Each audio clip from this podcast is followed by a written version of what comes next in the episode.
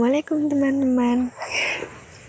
Kembali lagi di podcast konselor Bersama saya, Nindya Putri. Nah, gimana nih kabar teman-teman? Semoga sehat selalu ya. Di podcast kali ini, kita akan membahas mengenai extrovert dan introvert. Nah, pasti kalian udah sering banget kan dengar dua istilah tersebut?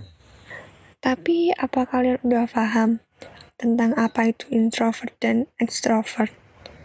Nah, kalau belum, yuk kita simak baik-baik penjelasan berikut ini. Nah, pada awalnya, Jung menggolongkan kepribadian menjadi dua tipe. Yang pertama, introvert. Introvert sendiri merupakan salah satu tipe kepribadian yang mengarahkan pribadi ke pengalaman subjektif dan cenderung menyendiri. Pada umumnya, orang introvert senang berintrospeksi dan sibuk dengan kehidupan mereka masing-masing. Orang-orang introvert dapat dideskripsikan sebagai seorang yang pendiam, pasif, tidak terlalu bersosialisasi, hati-hati, tertutup, penuh perhatian, pesimistis, damai, tenang, dan terkontrol. Nah, biasanya para introvert hanya berbicara seperlunya dan jika ditanya, mereka akan terdiam terlebih dahulu untuk memikirkan apa yang akan mereka ucapkan. Setelah itu, baru mereka akan berbicara.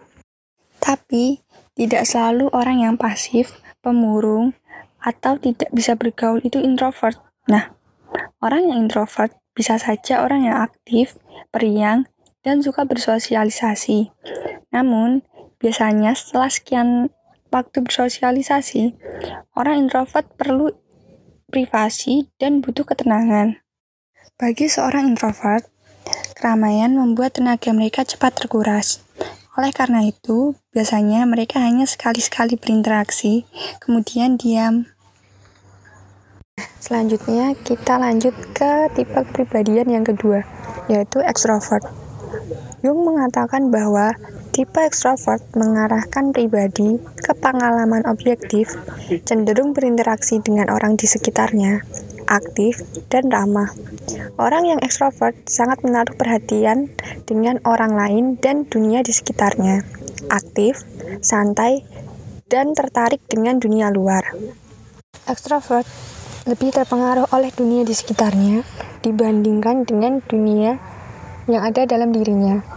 Nah, Orang ekstrovert mempunyai karakteristik utama yaitu kemampuan bersosialisasi dan sifat inklusif, senang bercanda, penuh gairah, cepat dalam berpikir, optimis, aktif, riang, bersemangat, dominan, mudah bergaul, dan berani.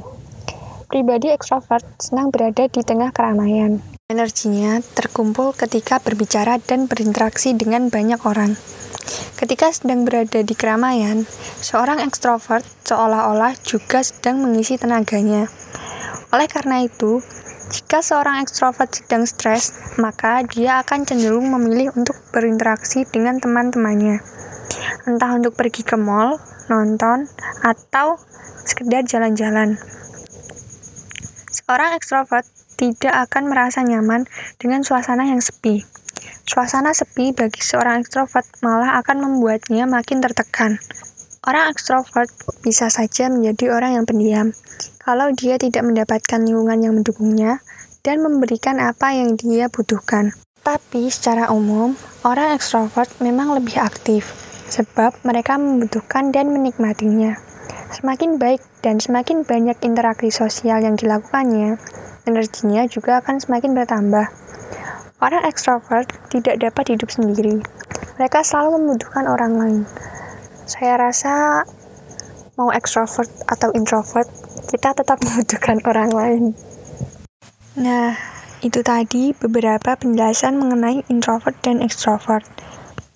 Gimana nih? Udah pada paham kan? Nah, diingat ya, jangan sampai salah mengartikan.